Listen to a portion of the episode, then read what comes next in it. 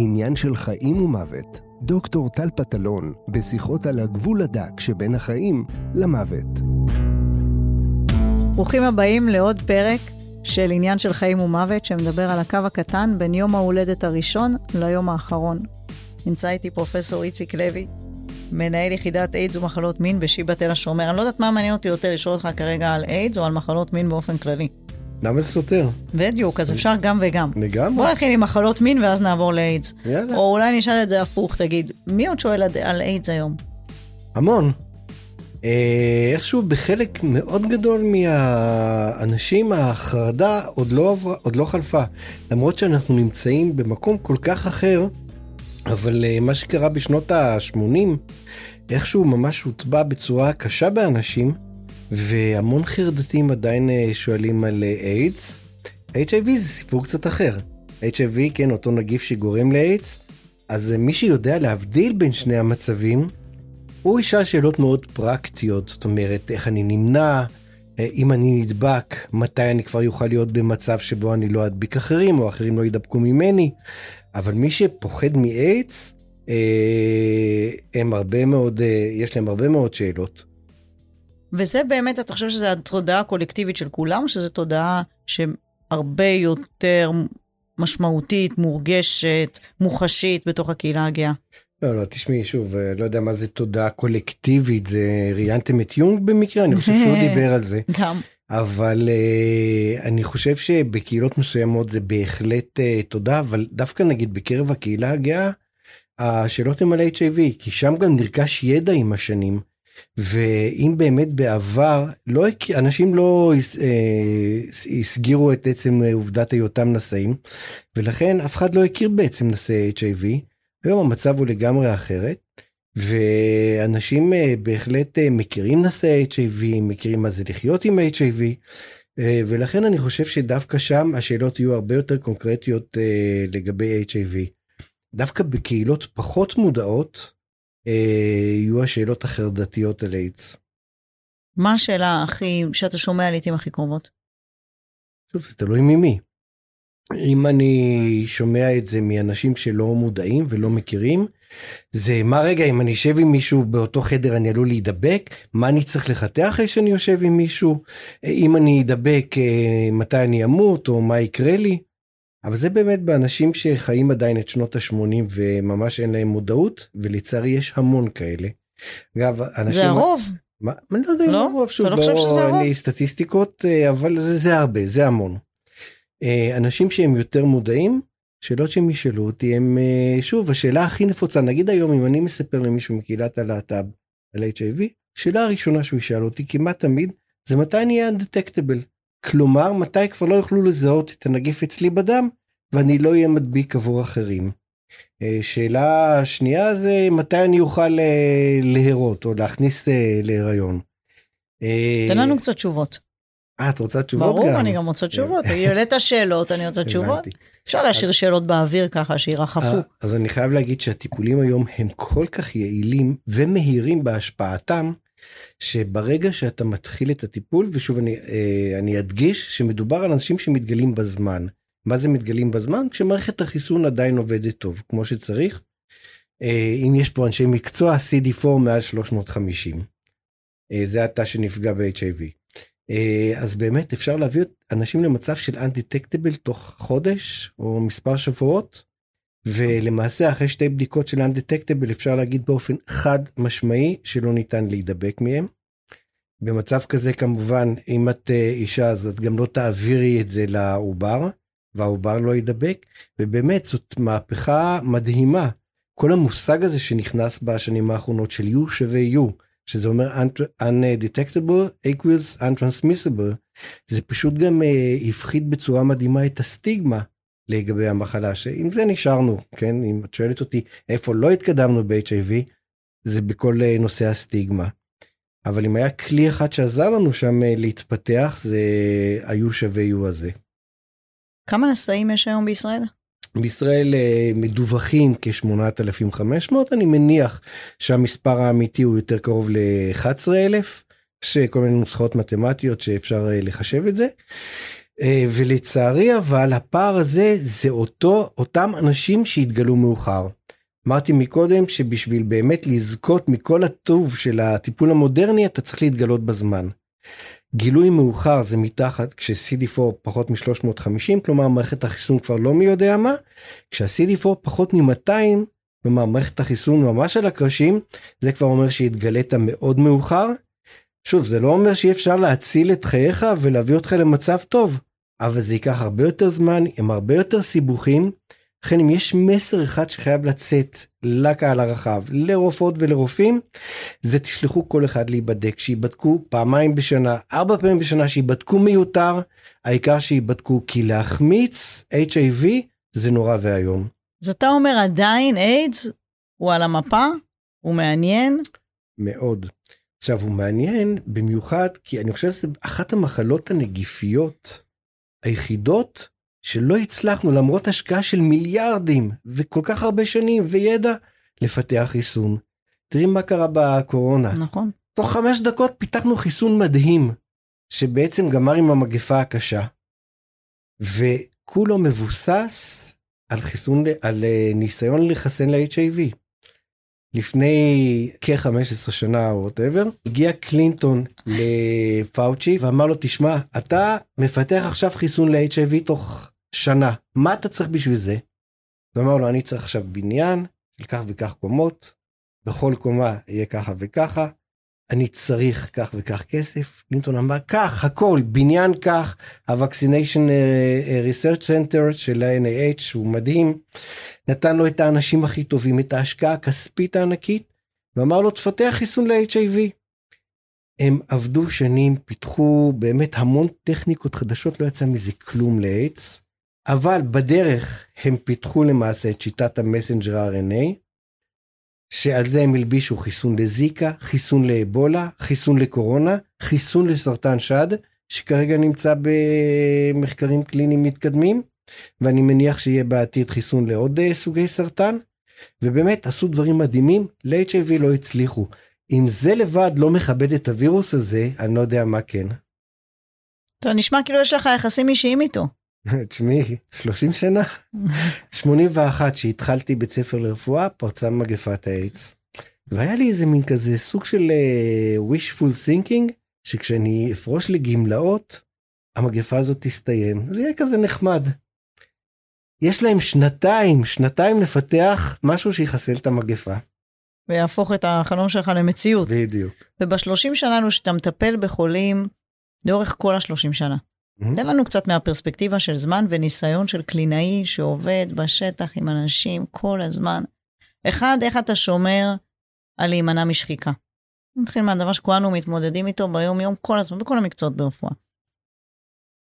ושתיים, על התהליך הזה שאתה רואה שלושה עשורים של מחלה, על הדינמיקה הזאת, של כל פעם מחכים לדבר הבא, מחכים לפריצת דרך, וקורות פריצות דרך תוך כדי.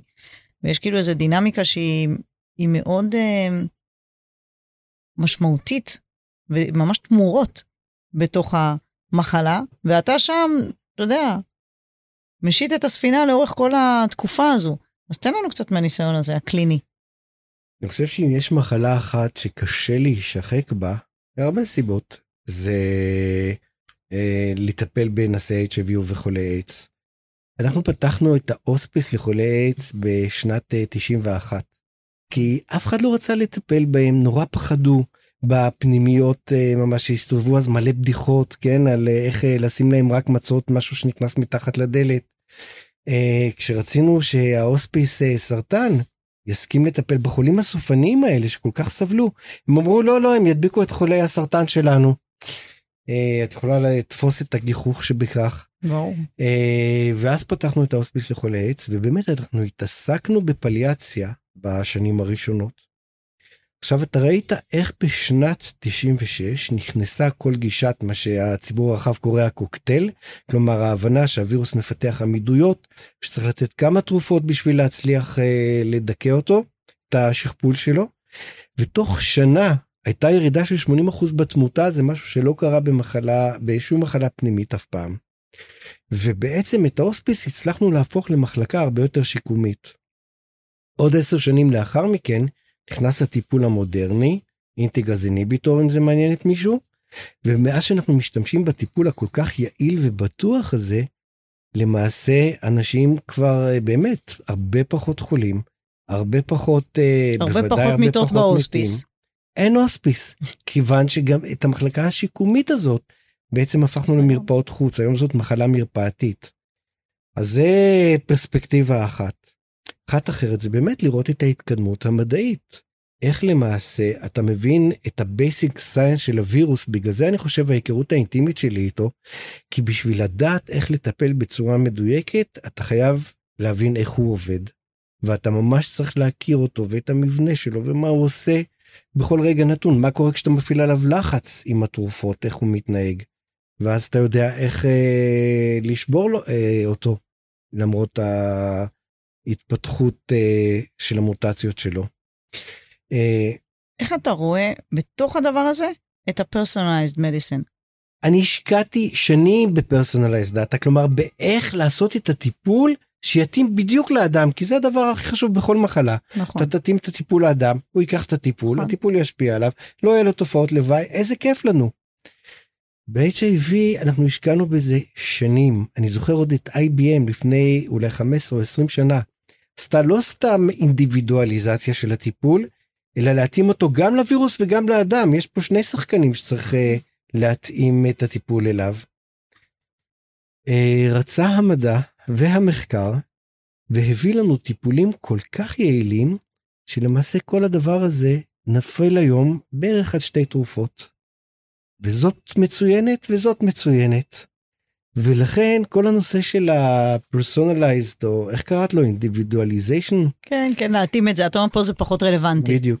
הוא מתאים בערך לחמישה אחוז מהנשאים, שהם הנשאים המאוד ותיקים, שנורא הסתבכו, והווירוס שלהם כבר פיתח המון המון מוטציות, אבל 95% מהמטופלים יגיבו לאחת משתי התרופות הטובות שיש לנו היום.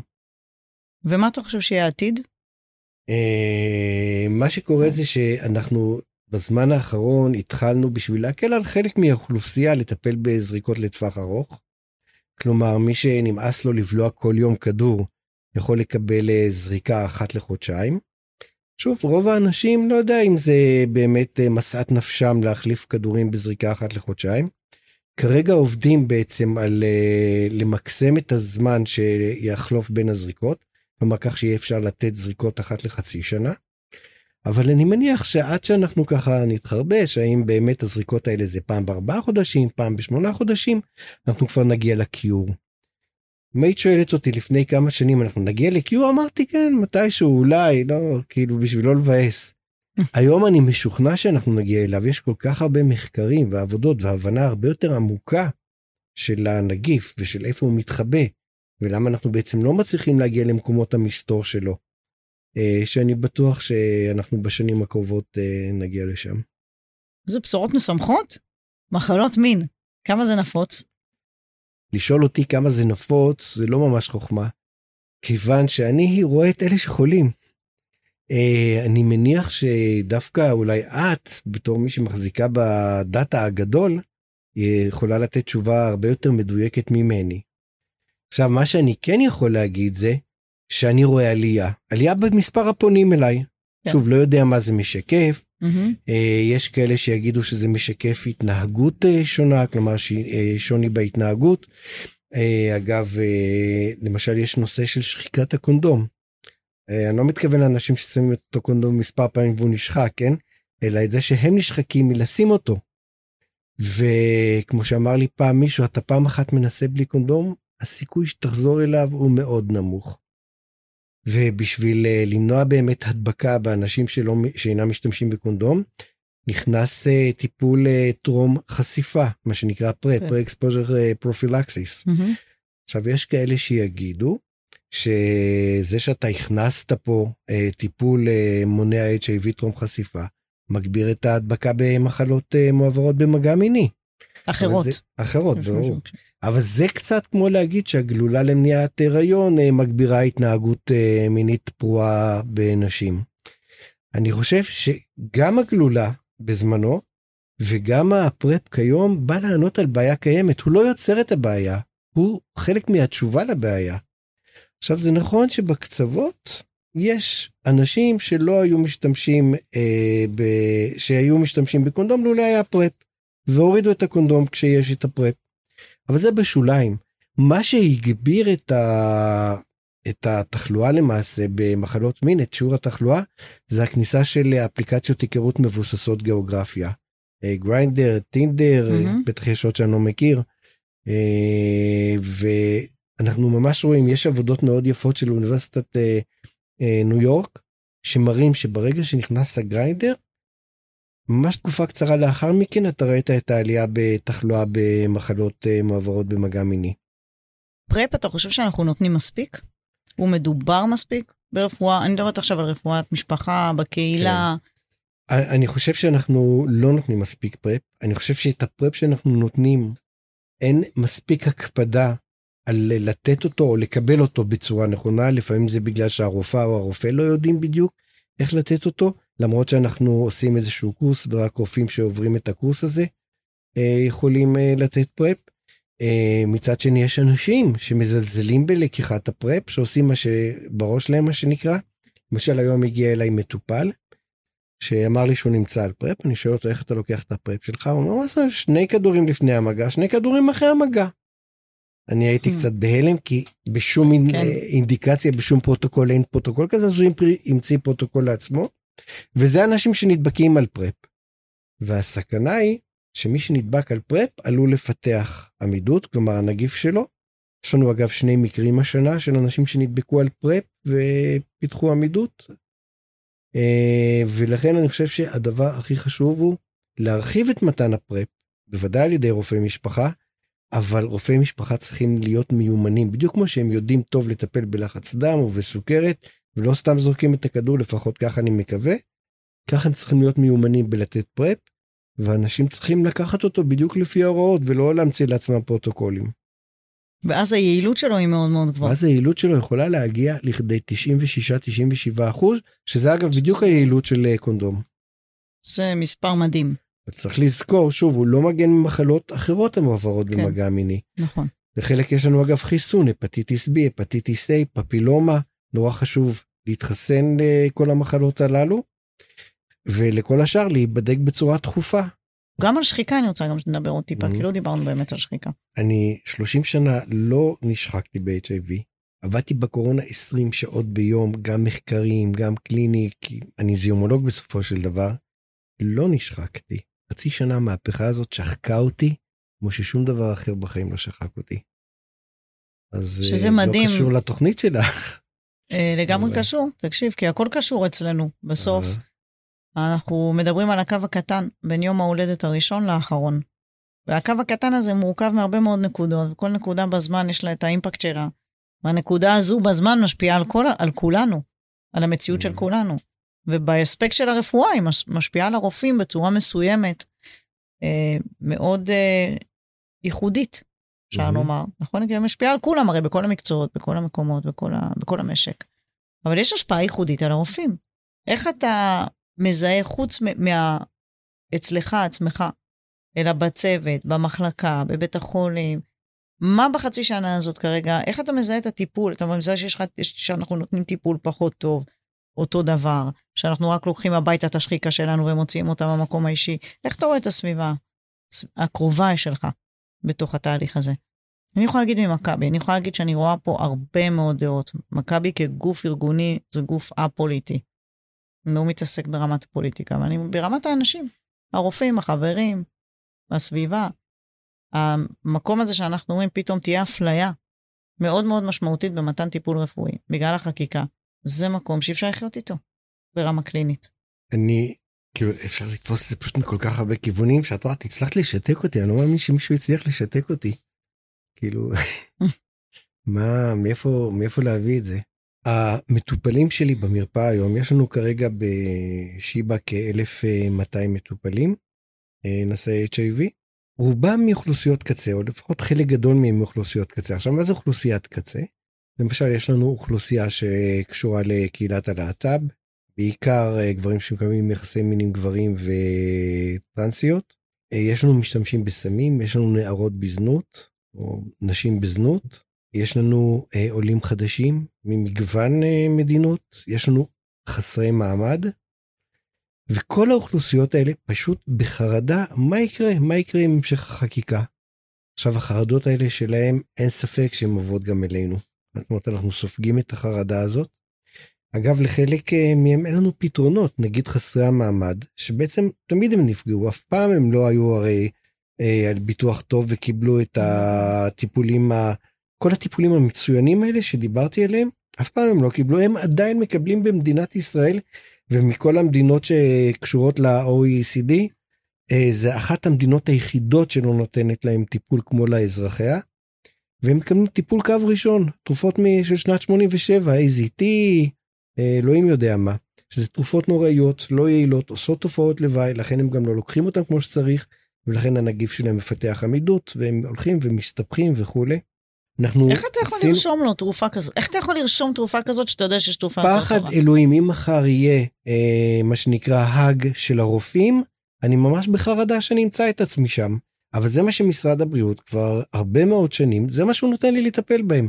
אין לי טיפול אחר. אז יש פה שאלה אתית, אז רגע, אז לא לתת להם שום דבר? האם לתת להם אה, טיפול נורא ואיום? בשלב הזה אני עדיין מעדיף לתת להם טיפול נורא ואיום, להגיד לך שאני עושה איתם צדק, אני לא יודע. והדבר הזה, בכל העבודה שלי זה הדבר הכי שוחק. עכשיו, אם חס וחלילה, כן, אני אצטרך אה, את אותו טיפול מחר לתת גם לאוכלוסיות אחרות, אני בוודאי לא אוכל להמשיך לעבוד. אני לא סתם מכניס פוליטיקה לרפואה, אני מכניס פוליטיקה לרפואה כי אני חושב שזה ישפיע בצורה ישירה על החיים של המטופלים שלנו. מה שאתה אומר בעצם, אתה תצטרך לקחת התנהגות שהם כופים עלינו לעשות היום, ותצטרך להרחיב אותה לעוד ועוד קהלים. אה, נכון.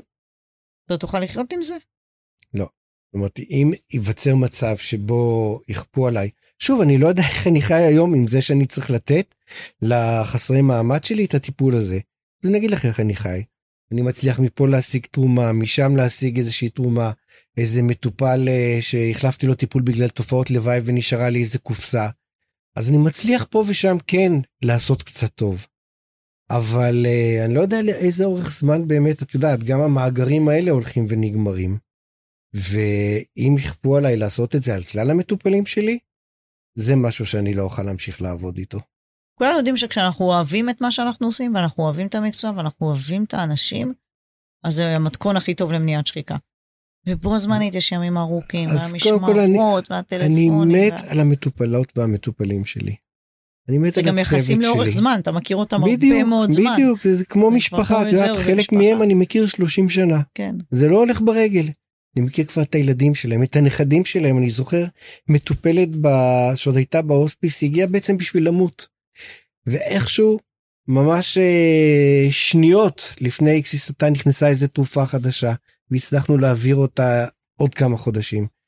ואז היא אמרה, אוי, רק שאני אצליח ללוות את הילד שלי לכיתה א', הוא היה אז בן חמש נדמה לי, ואיכשהו הגיעה עוד תרופה, ואז הגענו לשנת 96, ופתאום לילד כבר היה, הייתה בר מצווה, אה, וכל פעם היה איזשהו סיבוך, ואיכשהו...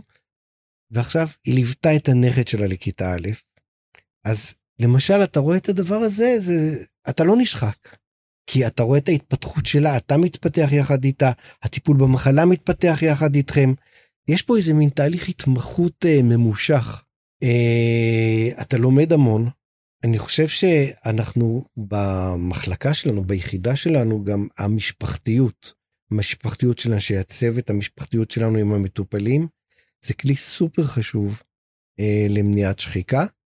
אה, אגב, אני מאוד מאמין גם במה שאתם ברפואת משפחה קוראים אה, בלינט, mm-hmm. עבודה סביב אה, קבוצות של self-help group. זה עוד כלי מאוד חשוב למניעת שחיקה, הלוואי שככה הרבה יותר קבוצות של רופאות ורופאים היו מעורבים בזה. אם יש לך עוד איזה עצה, אז... שמחה, תקשיב, שמחת חיים. אין, אין, באמת, לרופאים צעירים הייתי ממליצה מ-day one לשמור על האיזון. כי אני חושבת שהמערכת שלעצמה היא מאוד שוחקת. Mm-hmm. ואז היח... אם יש לך יחסים טובים, כמו שאמרת, אם זה ביחידה, אם זה במחלקה, אם זה במרפאה, איפה שאתה עובד, ויש לך יחסים טובים עם הצוות, ומשם גם היחסים הטובים עם המטופלים ויחסים טובים בבית. אגב, עוד דבר אחד שמאוד עזר, עוזר, עזר לי בהתמודדות בשחיקה, אפרופו רופאים צעירים ורופאות צעירות, זה להתעסק עם מחקר, אבל אה, תלוי שוב איזה מחקר, כן? אה, במחקר קליני, אם אתה רוצה להיות חוקר, לך תהיה חוקר. נורא קשה לשלב את השניים. אבל מחקרים קליניים... המערכת לא נותנת לנו לשלב. אם נכון. היו נותנים לנו יום מחקר מובנה, בתוך העבודה, שוב, אנשים היו חוקרים יותר? כן, אבל אה, עדיין מחקר קליני, זאת אומרת, כיוון שלעשות מחקר basic science, קשה לי. לראות איך אתה מתעסק עם פיפטות, שם תרבית תאים, רץ, עושה, זה, זה כמעט בלתי אפשרי, אבל השדה של מחקר קליני הוא כל כך חשוב, ואתה לומד כל כך הרבה, ואתה יכול לעזור לכל כך הרבה יותר חולים בצורה הרבה יותר טובה, אז אני ממש אה, קורא לאנשים צעירים, זה כלי נורא חשוב גם בשביל להתמודד עם אה, שחיקה. מה יהיה כתוב על המצבה שלך? מה מצבה? איזה מצבה? מה יהיה כתוב? אם היה, מה יהיה כתוב? כשאני אמות אני לא מתכוון להיקבר. מה פתאום? וכשאני אקבר אני לא מתכוון להיות שם. אנחנו נוותר על הפרידה כי אנחנו לא באמת נפרדים, ואנחנו נתראה מיד אחרי. תודה רבה.